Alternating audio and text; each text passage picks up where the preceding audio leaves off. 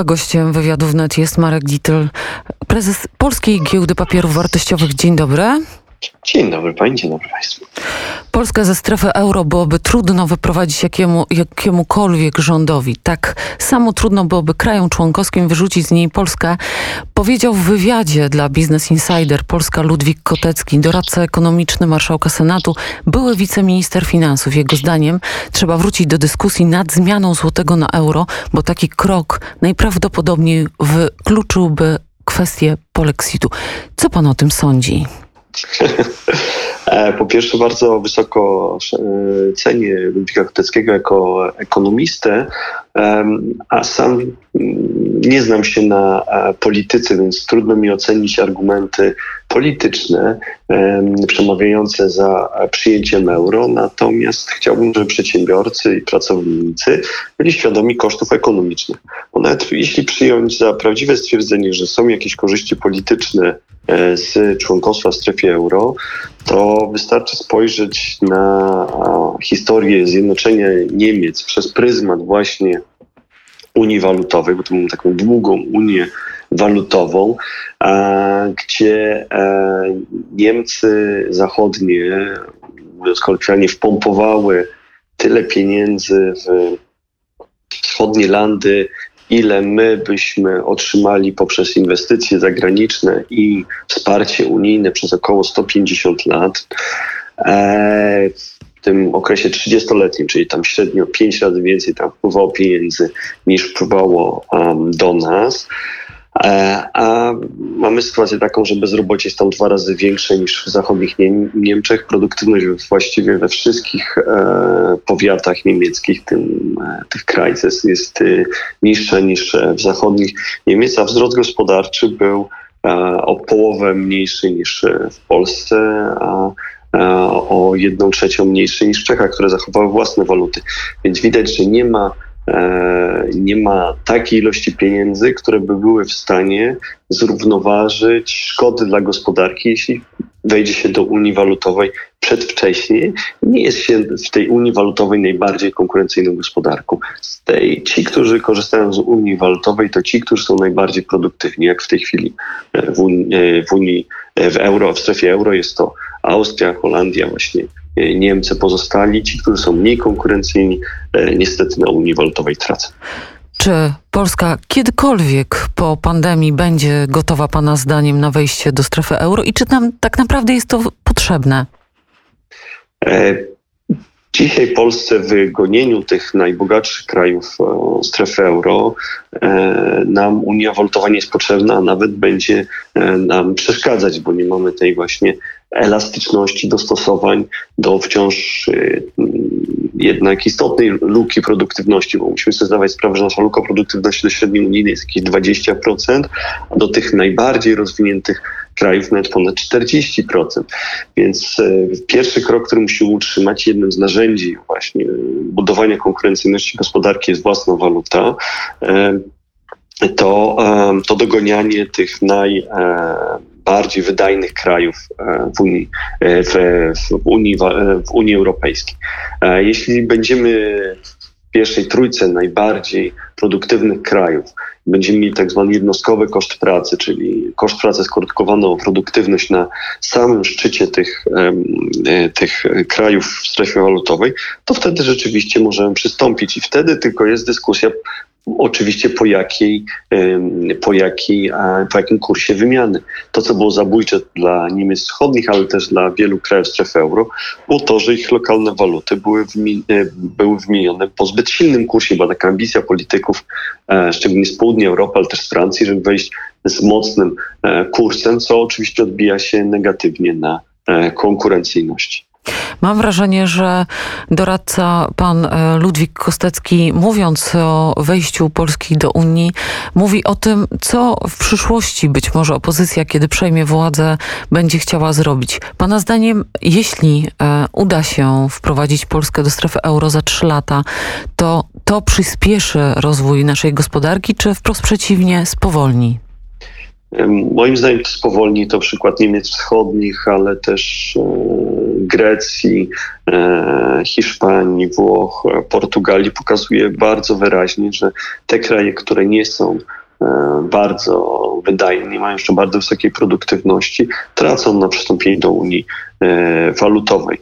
E, ja oceniam, że co najmniej o jedną trzecią spadnie nasze tempo wzrostu gospodarczego właśnie przez to, że będziemy Unii Walutowej. Paradoks polega na tym, że przejściowo przez parę lat będziemy się cieszyć, bo zostanie złotówka wymieniona na euro, poczujemy się bardzo tym dowartościowani, bardzo będziemy się czuli bogaci, bo nasze pensje zostaną wymienione e, na, na euro. Natomiast dość szybko e, będziemy tracić tą konkurencyjność i będziemy e, zalewani produktami, usługami z krajów, gdzie, które są bardziej wydajne, więc już po paru latach zacznie nam się ta, e, ta unia walutowa odbijać e, czkawką.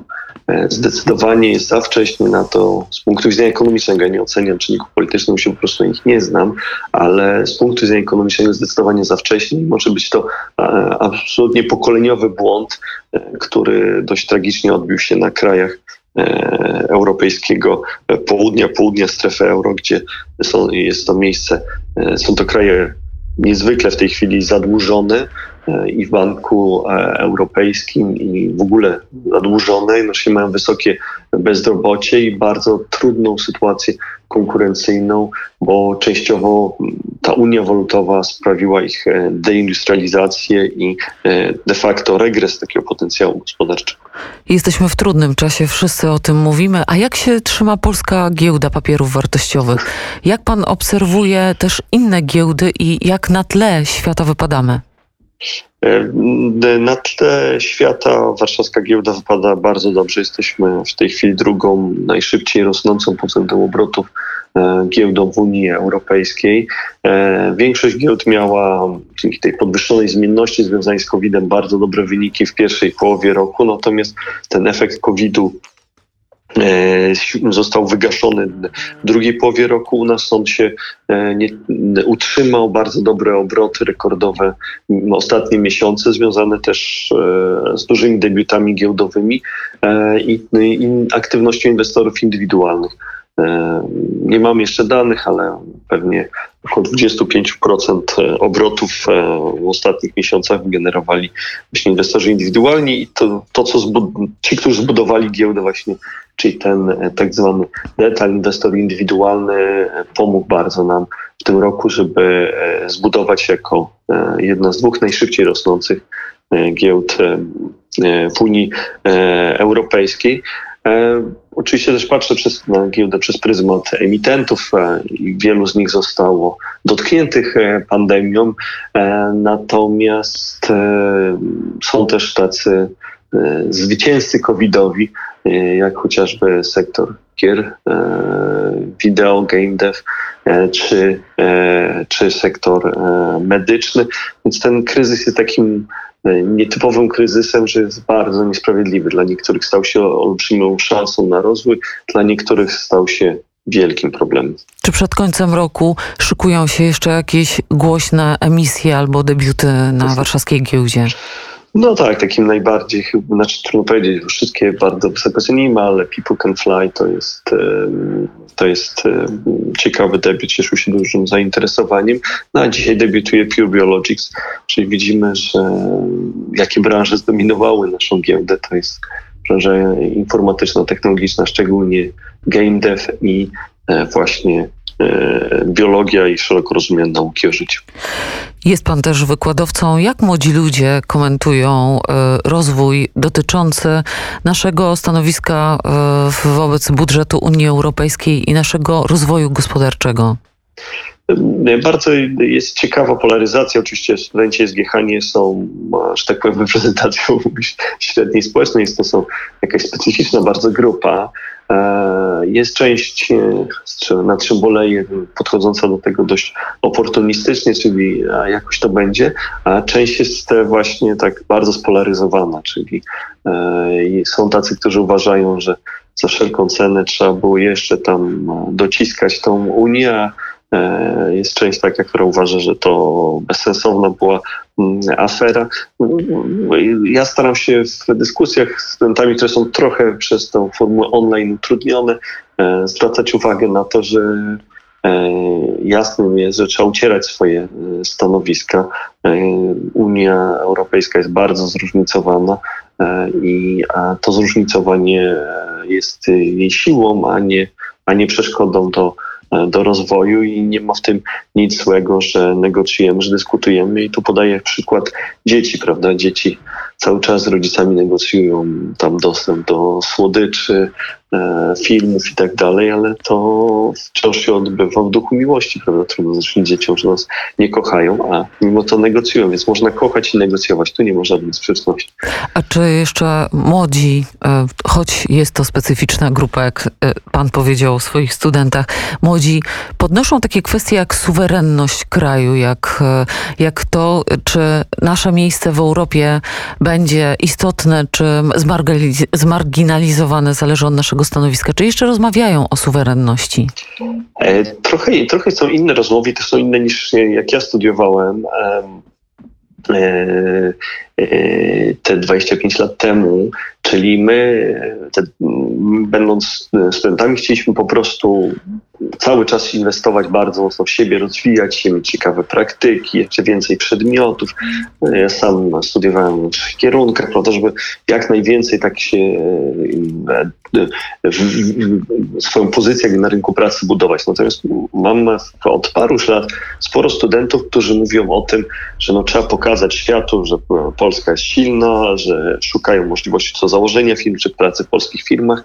Nie mają też żadnych, i to jest piękne, kompleksów wobec kolegów za granicę, a nawet taką żyłkę, e, żyłkę rywalizacji.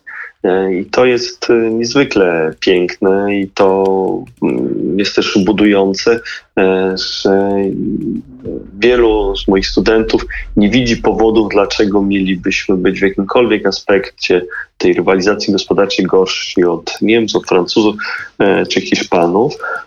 I też dobrze wpływa mm, na taką atmosferę właśnie takiej zdrowej rywalizacji pojawienie się studentów e, z Azji, a szczególnie myślę tu o Singapurze e, czy Korei. To są też bardzo osoby, które już się wybiorą do Europy, są to bardzo ambitne osoby e, i pokazują, jak bez kompleksów można walczyć z, o pozycję gospodarczą z hegemonami dzisiejszej E, gospodarki i w tym sensie jestem niezwykle optymistyczny co do kolejnego pokolenia polskich menedżerów.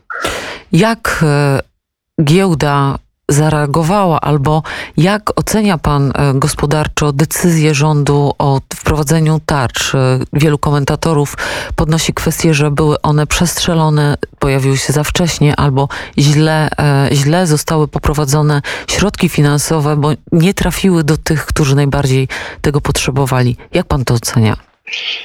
W takich sytuacjach, kiedy, kiedy wchodzimy w nieznane i widzimy bardzo gwałtowne załamanie gospodarcze, e, czas jest ważniejszy niż jakość. Bo oczywiście, gdybyśmy mieli e, dwa lata, to by można było dopracować te programy. Tu było bardzo ważne, żeby szybko zadziałać i żeby szybko postawić płynność, bo naprawdę poważne ryzyko, które zmaterializowało się w wielu krajach, e, takich już seryjnych bankructw przedsiębiorstw. I to tego tu widać po prostu danych, tu nie ma e, co się e, tu, tu, tu, nie ma co do tego żadnych wątpliwości, nie jest przestrzeni do dyskusji, że tych banków w Polsce było bardzo mało, więc tą płynność postawiliśmy bardzo skutecznie i w tym aspekcie uważam e, te tarcze za bardzo dobre. To, że się zdarzyło incydentalnie, że ktoś, kto nie powinien dostał te, te wsparcie, no, zdarza się, jeśli się działa szybko, chce, chce się też uprościć procedury, zdarza się jakiś margines błędu, natomiast to w żadnym stopniu nie przekreśla tego, że e, polska gospodarka została literalnie uratowana e, przez interwencję rządu i to przyznaje też wielu przedsiębiorców, doceniając to, to, to, to wsparcie również pośród firm giełdowych. Dzisiaj najważniejszym zadaniem jest plan odbudowy. Czytając dyskusje publiczne, w, o, dyskusjach publicznych w różnych krajach w zakresie polityki gospodarczej, to widać, że już wszyscy się zajmują tym, jak, jak się odnaleźć w tym po, po covidowej gospodarce światowej i te przetasowania są już widoczne. Ci, którzy pierwsi w, pełni mogli skorzystać z swojego potencjału gospodarczego, są już zwycięzcami. To szczególnie e, wydaje się, że Korea bardzo dobrze wykorzystała szansę, całkiem nieźle Japonia. E, w pewnym sensie dobrze wykorzystały też Chiny, chociaż tu się pojawiły jednak pewne zgrzyty. Mimo to zachowali e, niższy, bo niższy, ale wzrost gospodarczy, co, co, za co należy im się Mm, uznanie. E, I dla mnie teraz takim najważniejszym wyznacznikiem e, sukcesu w tej walce pokowidowej będzie pobudzenie inwestycji, zarówno publicznych, jak i prywatnych. To w każdym kraju, nawet tych wymienionych krajach azjatyckich, jest dużym problemem. E, ten taki gwałtowny E, załamanie, ten taki szok, jaki przedsiębiorcy bardzo zniechęca do, do inwestowania e, na całym świecie. Jednocześnie jest poprzez zdobywanie ilościowe bardzo dużo pieniędzy, więc jest dostępność kapitału, czyli muszą się pojawić inne instrumenty, instytucje, e, instytucje przez duże i życia gospodarczego nakłaniające do inwestycji. Tu przez, nie wiem, czy przez pewne bodźce podatkowe, teraz takie wprowadzone na pewien czas, E, czy poprzez e, też e, takie decyzje związane z dawaniem dobrego przykładu, jak na przykład może spółki Skarbu Państwa powinny właśnie taki mieć mocny nacisk na inwestowanie, trzeba ten kapitał prywatny aktywować i też projekty takie długoterminowe, które są zwykle skokowo podnoszą właśnie naszą produktywność i konkurencyjność, bo właśnie teraz jest moment na to, żeby e, o tą konkurencyjność gospodarki walczyć, a nie tylko lizać rany po covid. Inwestowanie w dzieła sztuki, złoto, e, luksusowe nieruchomości, to pokazuje, że jakby ci drobni, więksi ciułacze uciekają z gotówki, ale Pana zdaniem, jak zmieni się, jak zmieni się układ branż, jeśli już minie COVID i e, przestaniemy inwestować w technologie i gamingowe, e, gamingowe interesy, ale też formacje. Co Pana zdaniem może być takim e, kierunkiem dla gospodarki Polski, w co będziemy się chcieli zaangażować? W jaką stronę pójdziemy gospodarczo? To już nawiążę do tych dzieł sztuki, to tak historycznie pod koniec XVII wieku i na początku XVIII e, w Polsce no, spadek cen zbóż, sytuacja a nawet dworów magnackich finansowa nie była dobra, ale wciąż sprowadzano z tworzonych ówcześnie manufaktur na zachodzie właśnie różne produkty luksusowe, czy też porcelany i różne inne e, takie produkty konsumpcyjne. I to, co pani powiedziała, i to jest fakt, że rzeczywiście statystyki takie są, że inwestowanie w dzieła sztuki w e, jakieś unikalne E, alkohole i tak dalej, no to są, to nie są inwestycje, które przybliżają nas do wzrostu produktywności. W tym sensie ta struktura mm, inwestowania nie jest e, tą, tą wymarzoną.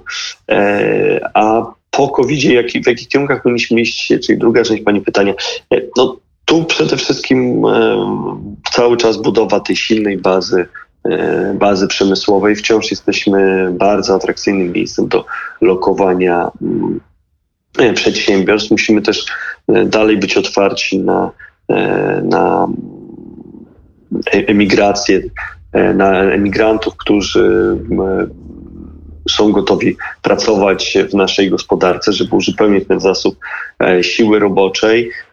Wciąż jesteśmy bardzo dobrze spozycjonowani do tego, żeby być tym zapleczem produkcyjnym Europy. Natomiast te doświadczenia covidowe bardzo jasno e, pokazały też, że e, musi też nastąpić zmiana w, e, w realizowaniu tych inwestycji produkcyjnych. Na pewno większa automatyzacja, robotyzacja, wciąż ten udział robotów w polskiej gospodarce jest relatywnie niski w porównaniu chociażby z Niemcami. Więc e, z jednej strony zaplecze produkcyjne Europy, ale też taka produkcja nowocześniejsza, też o większej e, wartości dodanej. E, I tu bardzo jest to spójne z, z naszą kompetencją taką informatyczną, kompetencją związaną z budowaniem technologii. To, że firmy technologiczne mogą się w Polsce na bardzo dobrych warunkach finansować, tanio finansować, dzięki temu szybko się rozwijać, jest olbrzymią szansą.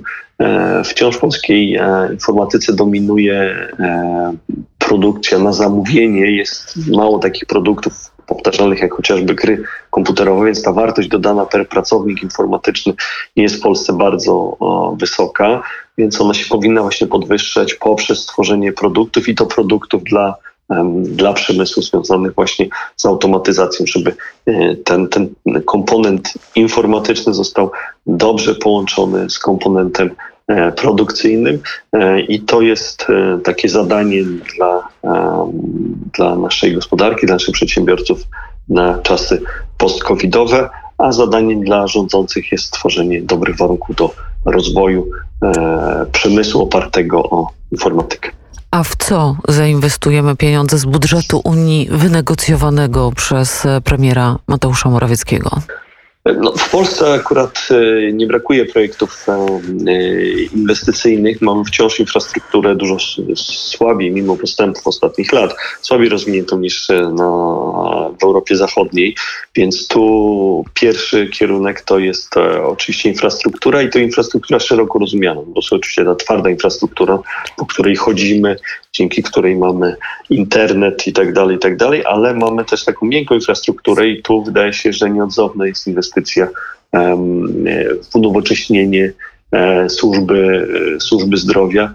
Jednak dla bezpieczeństwa takiego gospodarczego dobrze działająca służba zdrowia, też e, wykorzystująca nowoczesne narzędzia, bo wciąż, znaczy ten kryzys też pokazał, że mamy nie za dużo lekarzy, a też olbrzymi, olbrzymią powstanie luka pokoleniowa, jeśli chodzi o pielęgniarki, czyli tak potrzebujemy tutaj też nowoczesnych rozwiązań, żeby opieka zdrowotna była mniej, mniej e, roboczochłonna, mniej pracochłonna. E, I e, Stąd wydaje się, że są te dwa kierunki i infrastruktura twarda, gdzie wciąż mamy braki, i dość fundamentalna przebudowa infrastruktury miękkiej związanej ze służbą zdrowia, ale też na pewno systemem mm, edukacji, a szczególnie zasypywaniem tego podziału cyfrowego. Jednak to, że do zdalnego nauczania wciąż wielu rodzinach w Polsce, co jest bardzo przykre, brakowało E, brakowało komputerów. E, też e, nauczyciele, mimo olbrzymiego skoku kompetencji cyfrowych, było to raczej takie pospolite ruszenie i tu wydaje się, że wsparcie nauczycieli w rozwijaniu tych kompetencji cyfrowych jest bardzo ważne, żeby mogli je przekazywać uczniom i te kierunki też miękkiej infrastruktury wydają się być bardzo obiecujące dla właśnie ogólnej produktywności w gospodarce to my też trzymamy kciuki i trzymamy kciuki za nauczycieli, za ich rozwój kompetencji cyfrowych, bo na edukacji też pewnie można dobrze zarabiać. Gościem... Nie ma lepszej inwestycji niż dzieci w edukację, więc uważam, że powinniśmy ten wysiłek podjąć, korzystając między innymi ze środków unijnych, ale też e, z własnych zasobów. Gościem poranka wnet wywiadu był pan Marek Ditl, prezes Giełdy Papierów Wartościowych. Wszystkiego dobrego, panie prezesie. Dziękuję wzajemnie, dziękuję pani, dziękuję państwu. A teraz dla państwa Sweet Love Anita Baker.